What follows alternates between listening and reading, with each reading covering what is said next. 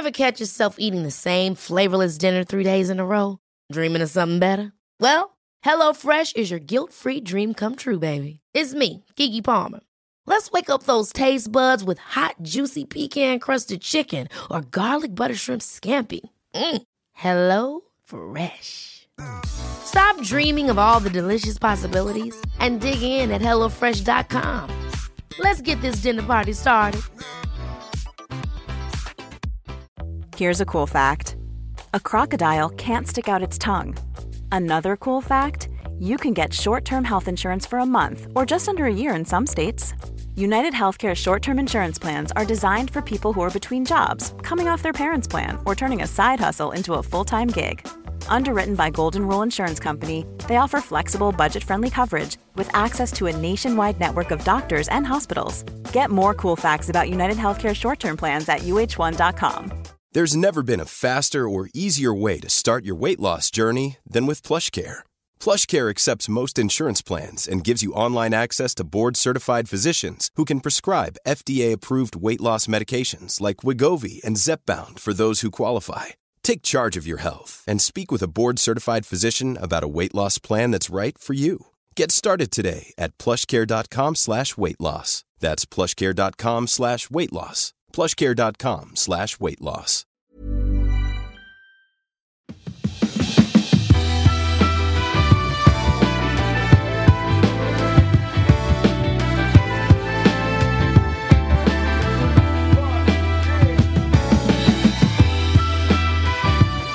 Varmt välkommen till Klimakteriepoddens sommarhetta som presenteras i samarbete med Femarell som brinner för kvinnohälsa och välmående under klimakteriet, precis som jag, Åsa Melin.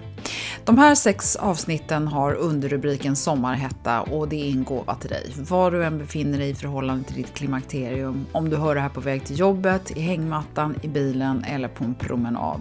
Och oavsett om du upplever sommaren som extra svettig eller ej. Anledningen Anledningen att jag gjort ett litet uppehåll i de här vanliga intervjuavsnitten är för att det är så många av er lyssnare som valt att dela era historier med mig. Många är inte för andras öron, men några vill dela med sig till fler. Och jag tycker det är så viktigt att många olika aspekter av klimakteriet kommer ut i ljuset. Och tanken är ju att du, kära lyssnare, ska hitta styrka, känna gemenskap och igenkänning som gör dig starkare i din resa mot välmående och att hitta ditt bästa jag.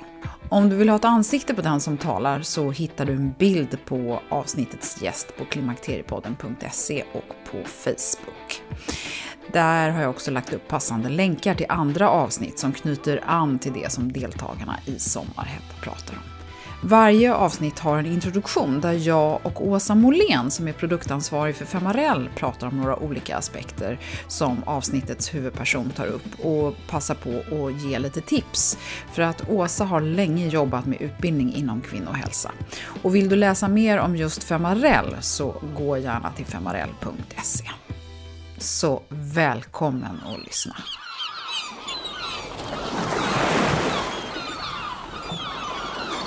Åsa, nu sitter vi här igen. Ja. Sommarhettan eh, pågår för fullt, men vi börjar närma oss slutet. Avsnitt fem.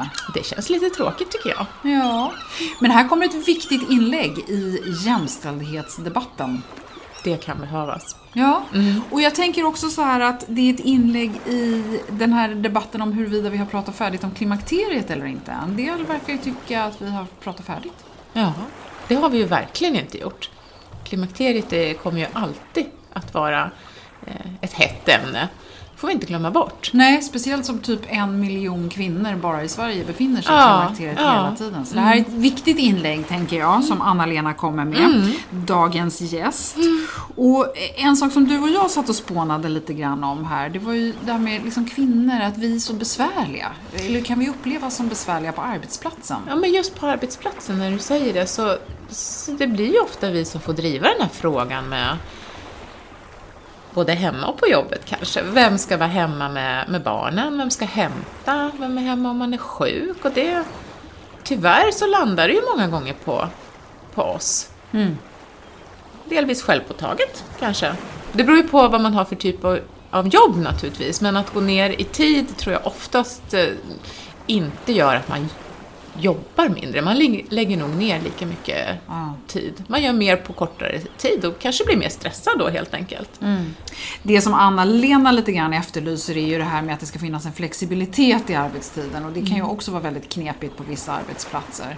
Men mycket av det här handlar ju om när man kommer in i den här fasen i förklimakteriet speciellt, när man inte kanske är medveten om att man ens är i klimakteriet utan det är det här gnagande oron och sömnen har börjat påverkas och sådär. Och då tänker jag på Femarel som ju Alltså det är ju framtaget på ett sånt sätt så att man ska börja ta det kanske redan eh, kring 40 i lite förebyggande syfte. Kan du inte berätta? Det finns ju liksom men tre olika ja, sorter här. Ja, det, det finns tre olika sorter. Och egentligen så kan man ju tänka lite vil, vilken färg är jag? För det är tre olika färger på de här Femarel. Eh, Rejuvenate, Recharge och Unstoppable. Och det som skiljer det är ju vitaminerna som de innehåller. Så i, i den här blåa förpackningen så är det ju vitaminer som passar de kvinnor som är lite yngre kanske, om man börjar märka att hud och hår förändras.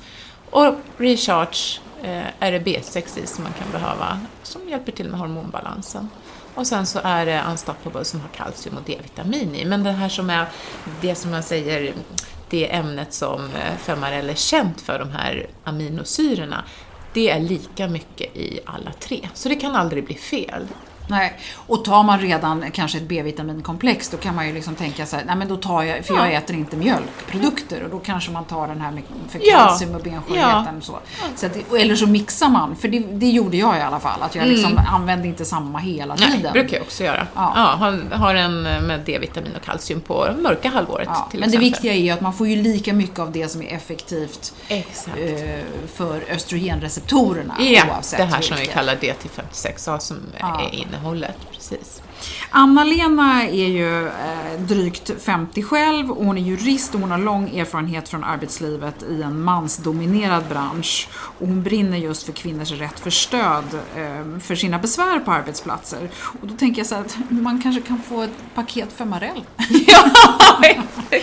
Nej, men Ja, men är det inte lite så här att det är lätt att tro att eh, när det här börjar hända i förklimakteriet, att man, att man är stressad helt enkelt? Mm, ja, men jag tror också det. Ja. Här, att man, det här första, innan det klickar. Ja, man börjar sova dåligt och man känner att det är inte som förut. Det, nej, men det, är- det är en svår period för att man inte riktigt vet vad problemet är. Precis. Och såklart, stressen är en jättebov, det Ja, vet vi. ja. Jag tänker också att man ska lyssna på avsnitt 67 med Jan Mellqvist. Han brinner ju för det här som han kallar för ålderism. Och sen har vi pratat om huruvida arbetslivet eh, är viktigt med kvinnor eller inte i avsnitt 51 och även avsnitt 35 som handlar lite grann om huruvida arbetslivet är anpassat efter oss eller ja, oss kvinnor helt enkelt. Så det tycker jag ni kan komplettera det här eh, eh, viktiga inlägget från Anna-Lena med. Ska vi släppa fram Anna-Lena eller vad har vi något mer som vi behöver få fram, eller få ur oss kanske jag ska säga? Nej, men är det det? Ja, men det är jätte, jätteviktigt och jag tror att männen är ju oftast norm sen gammalt på arbetsplatserna och det är väl det som vi vi måste våga tänka nytt. Eh, Det, mycket av det här handlar ju om att vi inte anser att det finns adekvat vård för kvinnor 40 plus. Att man eh, lite grann, det här med att ta tag i din hälsa, det är ju så himla lätt att sitta och säga. Ja, men det blir lite ta hand om, det är lite upp till mig själv att må bra. Man tänker inte på Ditt att, fel kanske? Ja, men det är ett fel. Man tänker inte på att det kan vara någonting i kroppen som faktiskt eh, är orsaken. Motarbetar kan man nästan kalla det Motarbetar, för. men det är bra. Ja. Man har lägre östrogennivåer, man fungerar inte riktigt som tidigare och man förstår inte varför. Nej. Man sover sämre, man är plötsligt missnöjd med den där mannen som var så trevlig förra veckan och Mm. det svänger, känslorna går upp och ner och man, eh, man kopplar inte riktigt ihop det. Nej men jättebra. Vi lyssnar på Anna-Lena här så tror jag att det finns anledning för flera som lyssnar på det här att kanske diskutera det här lite öppnare ämnet. Klimakteriet, kvinnor, arbetslivet. Mm, Jättebra idé. Mm, fint! Tack Åsa! Tack. Och tack till Femarell!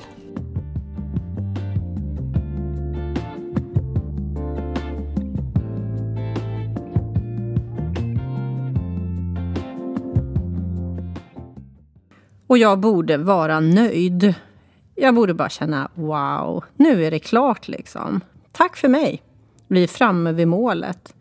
För när jag våren 2017 släppte min bok Jag känner inte igen henne.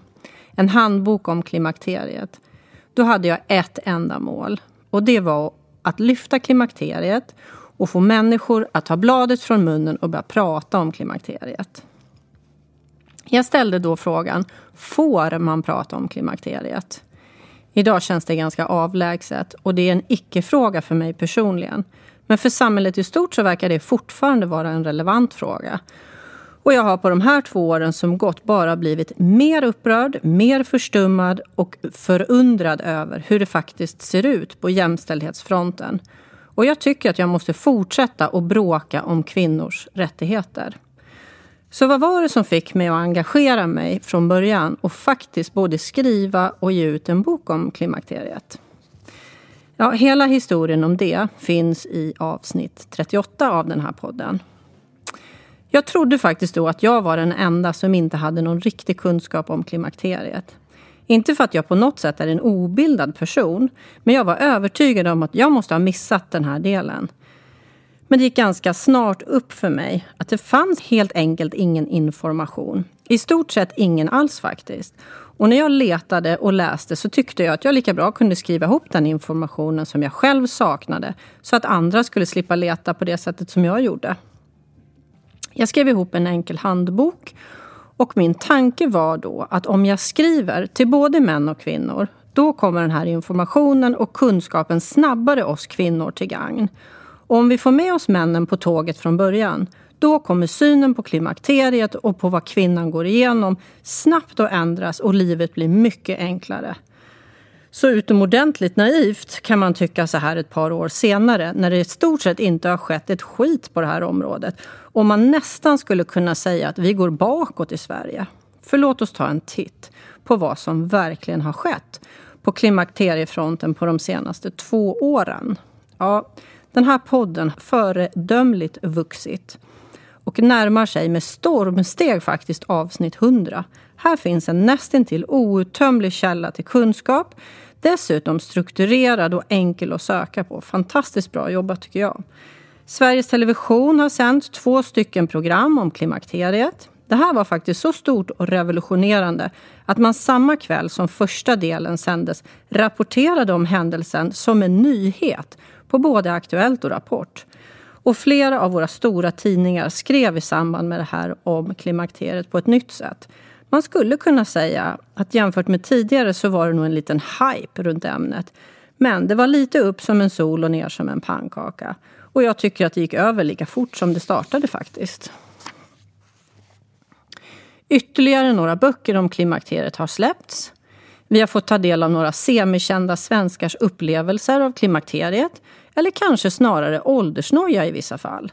För några vetenskapliga böcker eller skrifter där vi får ta del av nyare forskningsrön avseende kvinnohälsa, det är det inte direkt fråga om. Någon enstaka privat mottagning för kvinnor i klimakteriet har öppnats.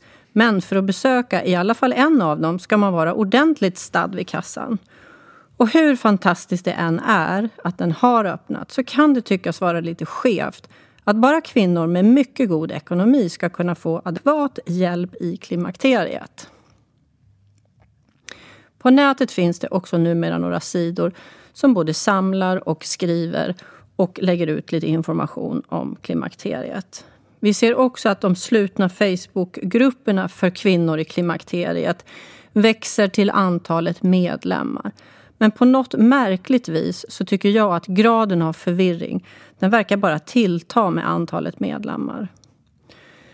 Nya riktlinjer för behandling av klimakterierelaterade besvär har tagits fram och de väntas inom kort antas. Men tyvärr är de enligt min mening helt tandlösa. De gör ingen, inga direkta avtryck eller några skillnader för oss kvinnor.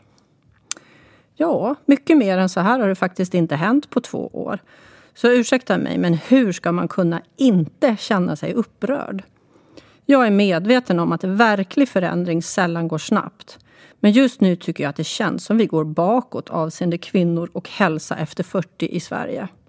Det har dessutom blivit uppenbart för mig att vi i Sverige gärna slår oss för bröstet och tycker att vi ligger i täten som ett av de mest jämställda länderna i världen. Men på området kvinnohälsa ligger vi långt efter många andra i-länder. Antalet människor som äter antidepressiva läkemedel i Sverige ökar ständigt. Och förra året sprängdes miljonvallen. Det innebär att var tionde svensk äter antidepressiva läkemedel. Det var just här som mitt engagemang för kvinnor i klimakteriet verkligen väcktes. Som de flesta känner till idag så är det vanligt att kvinnor i förklimakteriet de ordineras antidepressiva tabletter på grund av den totala brist på kunskap om kvinnohälsa som råder även bland många av landets läkare på våra vårdcentraler. Det här hade jag väldigt svårt att bara acceptera. Det var liksom, hallå, vem kan sätta ner foten här? Vi pratar feldiagnostisering big time, felmedicinering och förödande konsekvenser för de enskilda kvinnorna som drabbas. Och det här är inte en kvinna. Det här är massor av kvinnor som råkar ut för. Tänk er själva. Antidepressiva tabletter. Det är ingenting man leker med. Särskilt inte i kombination med att man har hormonell obalans från början. Vilket troligtvis var anledningen till varför många av alla dessa kvinnor sökte vård. Jag kan liksom inte riktigt släppa det här. Jag står lätt förstummad och ser på och karusellen snurrar på och vi verkar befinna oss på, ett, på en nedåtgående spiral. Något måste göras och det känns som att det brådskar. Jag kanske sticker ut hakan lite mycket här, men so what?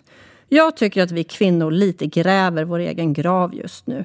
Så många kvinnor bara vägrar att ens ta ordet klimakteriet i sin mun.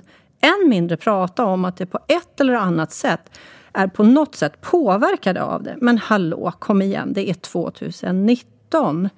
När ska vi sluta att lägga energi på att förneka det helt naturliga och självklara i hur vi som kvinnor fungerar? Vi har ett klimakterium, punkt. Alla ska igenom det på ett eller annat sätt. Personligen tycker jag att det är hög tid att sluta upp att låta männen vara norm och lägga tid och energi på vad klimakteriet stått för historiskt sett. Det är män som har beskrivit kvinnan och hennes klimakterium i alla tider. Varför inte bara släppa taget om det och alla gamla förlegade synsätt och istället fokusera lite ansvarsfullt här och nu få ordning på vården för oss kvinnor i klimakteriet. Vi behöver se på klimakteriet på ett enkelt och modernt sätt. Helt separerat ifrån åldrande.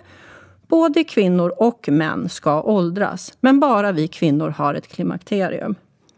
För att skapa en förändring skulle vi behöva acceptera just det. Nivåerna av våra kvinnliga könshormoner de ska sjunka tillbaka till där de var innan vi klev in i puberteten. Just den, förflyttningen av hormonerna, det är vad klimakteriet är, tycker jag. Just där och vad det gör med våra kroppar och med vår hälsa, det är vad vi och samhället behöver lägga fokus på. Eftersom vi accepterar och under så lång tid har accepterat alla gamla förlegade sanningar om vad klimakteriet är så missar vi det här och vi missar att uppdatera hela synen på kvinnohälsa och vården runt kvinnohälsa efter 40 års ålder. Att bara prata om klimakteriet det känns för mig med det jag vet idag inte längre tillräckligt. Att helt förändra synen på klimakteriet, det är det som behövs. Vården runt kvinnohälsa bör bestå av tre tydliga delar. Först och främst så har vi rådgivning i samband med mens, PMS och preventivmedel. Sen skulle vi ha vägledning genom graviditet och barnafödande och tillhörande mödravård för de som behöver det. Och här tar det slut sen i Sverige. Är inte det märkligt? Naturligtvis så borde det vara en tredje fas som avslutningsvis skulle vara information, rådgivning och i de fall där det behövs behandling av klimakterierelaterade besvär. Det här tycker jag är en modern syn på klimakteriet och det är här som vi har möjlighet att investera i vår hälsa och lägga grunden för liksom andra halvleken i livet.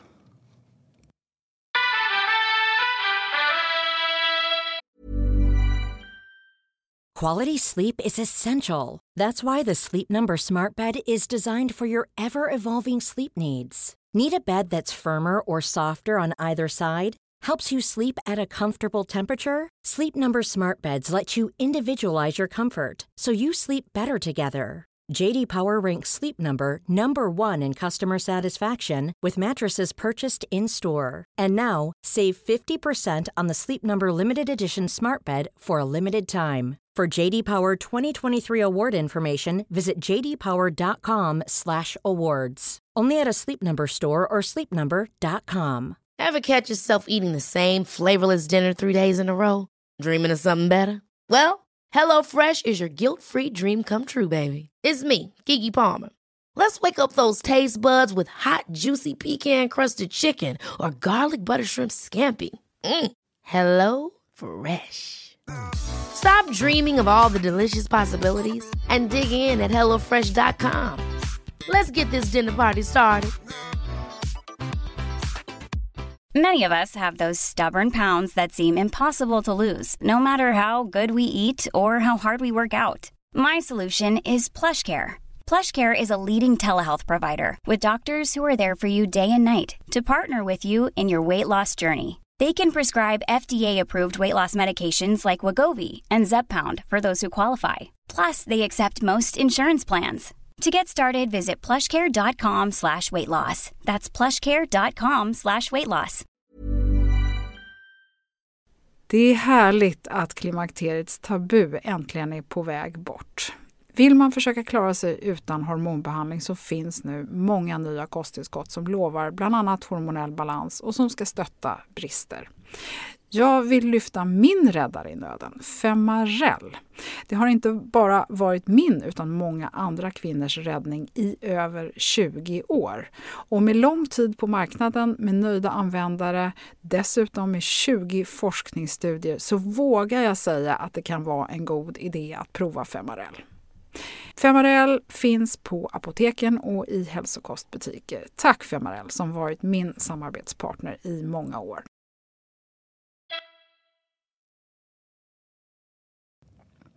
Idag finns det inget enkelt prov som man som kvinna kan ta för att ta reda på om man befinner sig i klimakteriet. Att laborera med blodprover hit och dit är ytterst komplicerat och det är många faktorer som påverkar hormonbalansen så det är nästintill omöjligt att fastställa något överhuvudtaget med hjälp av blodprover. De flesta kvinnor i dagens Sverige som fyllt 40 har inte tillgång till en egen gynekolog och då är man därmed hänvisad till sin vårdcentral och en allmänläkare och ett standardbesök på 15 minuter. Om en kvinna i 40-årsåldern söker hjälp på det sättet hos vårdcentralen och får träffa en allmänläkare för att hon inte känner igen sig själv eller känner sig orolig eller deppig, ja då får hon med största sannolikhet inte en enda fråga om klimakteriet eller någon information om klimakteriet överhuvudtaget. Kvinnor behöver få samtal och då är det lite längre samtal. De behöver få beskriva hur de mår och någon behöver titta på symptom för att fastställa om kvinnan är i klimakteriet. Därefter behöver hon information om eventuella behandlingar så att hon kan fatta ett kunskapsbaserat beslut och ha en möjlighet att ta ansvar för sin egen hälsa. Det har gått upp för många kvinnor idag att vi helt enkelt inte har den information vi skulle behöva för att kunna förbereda oss och möta klimakteriet på rätt sätt. Det har även blivit klart för många kvinnor att vi inte får den hjälp som vi behöver från den svenska vården. Vi saknar därmed möjlighet att ta ett eget ansvar för vår egen hälsa. Personligen är jag urless på utrymmet som vi ger till den ena mannen efter den andra och ibland även till kvinnor som lite smått revolutionerande kommit fram till nya rön om hur vi ska uppnå perfekt hälsa, långt och lyckligt liv. Alla, och jag menar verkligen alla, utgår ifrån mannen och den manliga kroppen som norm. Låt mig ta ett exempel här. Få av oss har nog lyckats undgå den på pedestal uppsatta brittiska läkaren som har givit oss den nya boken med fyra nycklar till perfekt hälsa. Helt revolutionerande har han upptäckt att det är så enkelt som att bara se över sin livsstil och så ta tag i de här fyra nycklarna. Det är fyra områden och vips, då uppstår hälsobalans. Det är så enkelt, eller hur? Man blir bara så trött. Det funkar inte så här för kvinnor. Och hur vi än vrider och vänder och försöker och anstränger oss så har vi helt andra förutsättningar. Vi har helt andra behov och det måste få bli lika mycket norm som mannen är norm. Själv har jag lagt om kosten. Jag skulle säga att den är nästintill exemplarisk. Ja, det är den faktiskt. Men ändå har jag lagt på mig ett gäng kilon. Brösten växer tillsammans med magen på ett för mig helt oförklarligt sätt. Och när vi pratar om stress, det är likadant. Vi vet alla idag att stress är oerhört skadligt för våra kroppar. Men de kvinnospecifika funktionerna relaterade till stress och klimakteriebesvär, de talar vi knappt om. Ja, vi skulle ju faktiskt kunna fortsätta och listan kan göras faktiskt hur lång som helst. Vi kvinnor har ett klimakterium och det påverkar vår kropp och vår hälsa. Det är det som är intressant och vad vi skulle behöva fokusera på. Det bekymrar mig hur kvinnor har det med sin hälsa i klimakteriet. Jag ömmar verkligen för alla stackars medsystrar som har fått antidepressiva tabletter när de har mått dåligt under förklimakteriet. Men nä nästan ännu värre tycker jag att det är med det sätt på vilket vi tar hand om kvinnor i arbetslivet med de på olika sätt tampas med symptom av sina respektive klimakteriebesvär. Idag arbetar åtta av tio kvinnor som befinner sig i klimakteriet. Den här generationen av kvinnor de vill fortsätta med sina hårt tillkämpade karriärer och de avser inte på något sätt minska på sina ambitioner. Men just när kvinnan är klar med att ha haft huvudansvaret och lite smått checkat ut som familjens VD, någonstans runt 40 där, ja då, då kommer det för många, helt oväntat, för klimakteriet som ett brev på posten. Och det är för vissa början på en oerhört tuff tid. Det värsta i det här, det är att de flesta kvinnor inte har en susning om varför det är så jobbigt. Och tyvärr så är det också så att det sammanfaller ofta med en tid när det är dags att kliva fram i arbetslivet. I en ålder när det är lite time att axla de högre positionerna, ja då är kvinnorna, eller rättare sagt många av dem, inte alla, men många av dem, de är satta ur spel på grund av att vi i Sverige inte har en plan för kvinnohälsa efter 40 och låter det vara ett oprioriterat område. Vi står just nu inför en förändrad arbetsmarknad. En viktig parameter här är att vi förväntas att stanna kvar på arbetsmarknaden längre. Vi ska orka och våra kroppar ska fungera för att vi ska leverera på jobbet. Men hur ska kvinnor få förutsättningar att vara med och blomstra på en arbetsmarknad tillsammans med männen på samma villkor?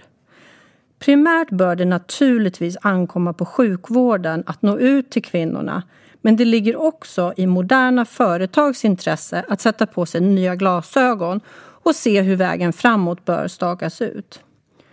Ett jämställt arbetsliv förutsätter att klimakteriet lyfts till en ren hygienfaktor. Det är dags för arbetsmarknaden och företagen att skaffa sig kunskap. På arbetsmarknaden behövs det mogna kvinnliga perspektivet. Det finns så mycket vilja och driv och lust i det om man fångar en kvinna mitt i den förändring hon genomgår och möter henne på hennes villkor. Det här drivet kommer inifrån. När kvinnorna är i förklimakteriet och söker förändring då har de det naturligt. En arbetsgivare som har kunskap och mod att möta en kvinna där hon verkligen befinner sig kan få en fantastisk utväxling. Antalet företag som införlivar klimakteriet i sina respektive åtgärder för medarbetarnas hälsa är stötande lågt. Det finns naturligtvis en mängd anledningar till varför det är så. Ja, klimakteriet har ju inte varit särskilt glamoröst och det har varit lite av kvinnornas grej som har tystats ner och smusslats runt med. Man har inte haft kunskap och ingen erfarenhet om hur man ska hantera det. Det har i stort sett blivit ett socialt tabu som alla har varit ovilliga att prata om, även vi kvinnor emellan. Klimakteriet påverkar dock kvinnor i genomsnitt åtta år av hennes arbetsliv. Åtta år innebär 20 procent av kvinnans karriär med en karriärlängd på 40 år. Eftersom kvinnor utgör hälften av arbetskraften betyder det i verkligheten att upp till 10 procent av den totala tiden som vuxna spenderar på arbetet sannolikt kommer att påverkas. Inget annat som kan bli föremål för åtgärder inom personalen och dess hälsa kommer i närheten av det. Ur alla perspektiv, lönsamhet, jämlikhet, hållbarhet, så torde det inte heller finnas något som kommer i närheten av att spela en så avgörande roll som klimakteriet. I början av maj 2019 hade den brittiska nyhetskanalen BBC News en temavecka på klimakteriet. Ett av reportagen man sände behandlade just klimakteriet och arbetslivet. Under reportaget berättades om en studie som hade genomförts avseende klimakteriet och arbetsmarknaden i Storbritannien. Av 1000 kvinnor från 45 års ålder och uppåt som tillfrågats svarade 3% att deras arbetsplats hade en klimakteriepolicy på plats. Hela 63% av samma grupp tyckte att deras arbete hade påverkats negativt av klimakteriet. Undersökningen visade också att endast 3% av mellancheferna hade utbildats för att kunna ge stöd till kvinnor som tampades med olika symptom på grund av klimakteriet. Trots att 58% av de kvinnorna som svarade sa att de hade symptom varje dag. Det här visar att det är fortfarande en lång väg att gå innan kvinnor i klimakteriet känner sig på riktigt jämställda på arbetsmarknaden. 73 procent av kvinnorna sa att de upplevt vallningar under tiden som de arbetade. 63 procent kämpade för att de upplevde sig ha hjärndimma. Hälften av kvinnorna drabbades periodvis av ett lågt humör som de tyckte själva påverkade deras prestation. Ungefär hälften av kvinnorna hade problem med minnet och 34 procent kämpade i perioder med känslor av depression eller ångest. Bara 6% av kvinnorna svarade att de inte hade några symptom alls på jobbet. Att hantera symptom på klimakteriet jämte brist på stöd på arbetsplatsen det ledde till att 41 procent av kvinnorna ansåg sig göra fler misstag än vanligt. 11 procent avstod ifrån att visa sig intresserad av en befordran och ytterligare 11 procent rapporterade att det här så småningom bidrog till att de lämnade sina jobb. Idag är arbetsplatser enligt lag skyldiga att erbjuda stöd bland annat för gravida kvinnor och anställda med kroniska sjukdomar eller funktionsnedsättningar. Det ligger i sakens natur att anta att klimakteriet är ett tillstånd som jämställda och moderna arbetsgivare bör ha en policy för att också kunna hantera. Observera, det finns ingenting som säger att man på något sätt ska jämställa klimakteriet med sjukdom. Det är inte att betrakta som en sjukdom, inte alls. Men det kan i perioder vara så att obalansen i hormonerna ställer till det riktigt otrevligt och obehagligt för de drabbade kvinnorna och de obehagen kan ibland jämställas med sjukdom. Många kvinnor i klimakteriet upplever att de har en nedsatt förmåga och det gör att de har också en, en förhöjd stressnivå på grund av det. Det är också vanligt att de känner att de har mindre tålamod med kollegor, med klienter, med kunder på grund av klimakteriet. Och vissa känner att de skulle behöva sjukskriva sig i perioder. Många kvinnor upplever ett kollegialt stöd men ytterst få upplever något stöd ifrån ledning eller HR-avdelning. Många känner sig obekväma att berätta för sin chef om klimakteriebesvär. De är rädda för att inte bli tagna på allvar. Nästan varje arbetsplats har någon som upplever klimakteriet just nu. Men många chefer är helt omedvetna hur de bäst kan stödja sina medarbetare. Istället för att det är ett arbetsplatstabu bör ledning och chefer vara redo att bemöta klimakteriet som alla andra hälsotillstånd och ha öppna, stödjande samtal med kvinnor i sina respektive team. Så hur ska en organisation gå tillväga? Man behöver medvetandegöra klimakteriet och lyfta upp det till den hygienfaktor som det är. Och det gör man enklast genom att bygga kunskap och medvetenhet om klimakteriet i sig och göra det möjligt för kvinnor att ta upp och diskutera det. Man behöver också prata om gamla stereotyper och bryta ner dem. Och kvinnorna behöver veta att de kan berätta om sitt klimakterium utan att känna sig rädda för att bli förlöjligade eller att det skulle ha en negativ inverkan på karriären. Man behöver också skapa Eh, moderna hälsokontroller. Man skickar ju ändå personalen på hälsokontroller. För kvinnor från 40 år och uppåt då bör det informeras om klimakteriet. Och det bör också undersökas om kvinnor som kommer faktiskt har symptom på klimakteriet. Man bör diskutera stress och hur det påverkar kvinnokroppen. Det här betyder utbildning och resurser. Stora framsteg har gjorts under de senaste decennierna med avseende på områden som till exempel föräldraledighet. Detta område, klimakteriet, är inte annorlunda och samma tillvägagångssätt behövs här. För de flesta företag är det idag en självklarhet att anlita externa konsulter av olika slag för att stötta sina chefer i olika situationer. Inte minst för att uppnå högt uppskruvade lönsamhetskrav.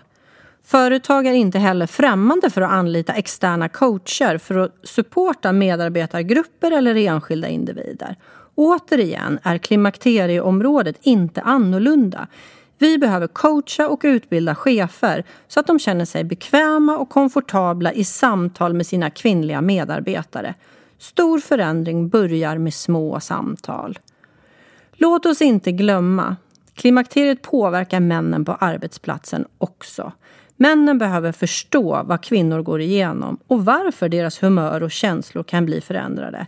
De behöver vara medvetna om hur de möter sina kvinnliga kollegor. Det är en grov missuppfattning att klimakteriet är enbart för kvinnor att ta itu med och för männen att vara fria att ignorera. Moderna män förtjänar en möjlighet att förstå och det finns inte längre något utrymme att inte informera för att sen dumförklara männen.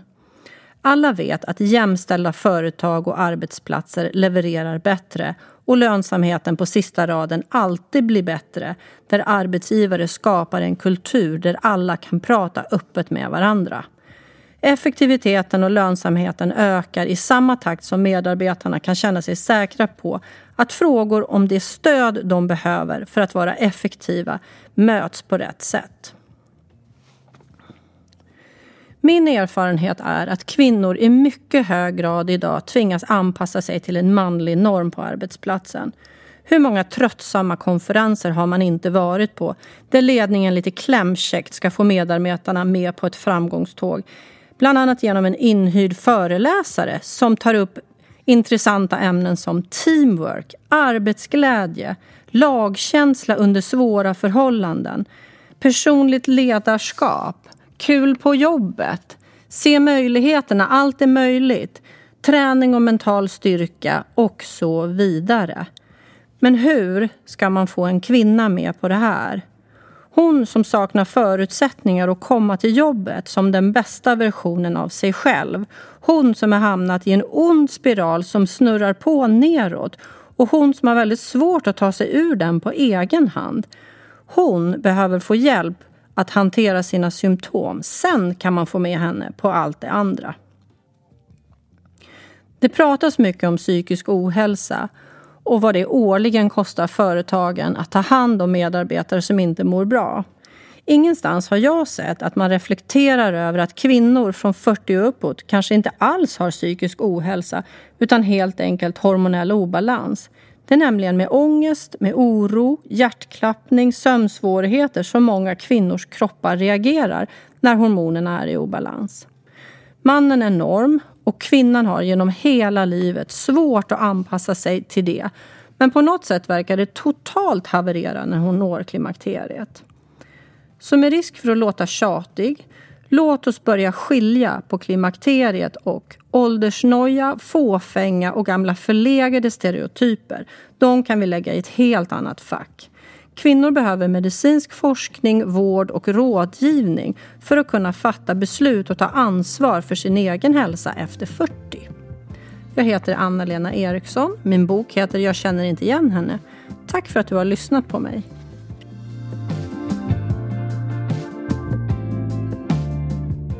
Tusen tack! Tack. Vilket inlägg!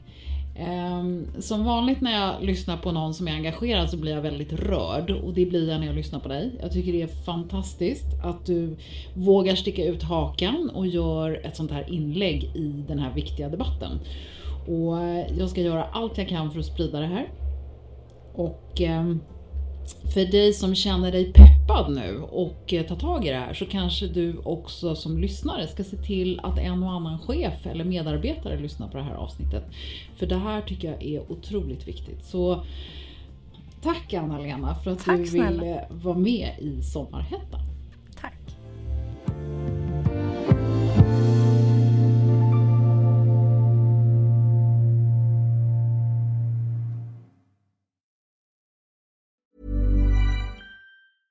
Ever catch yourself eating the same flavorless dinner three days in a row?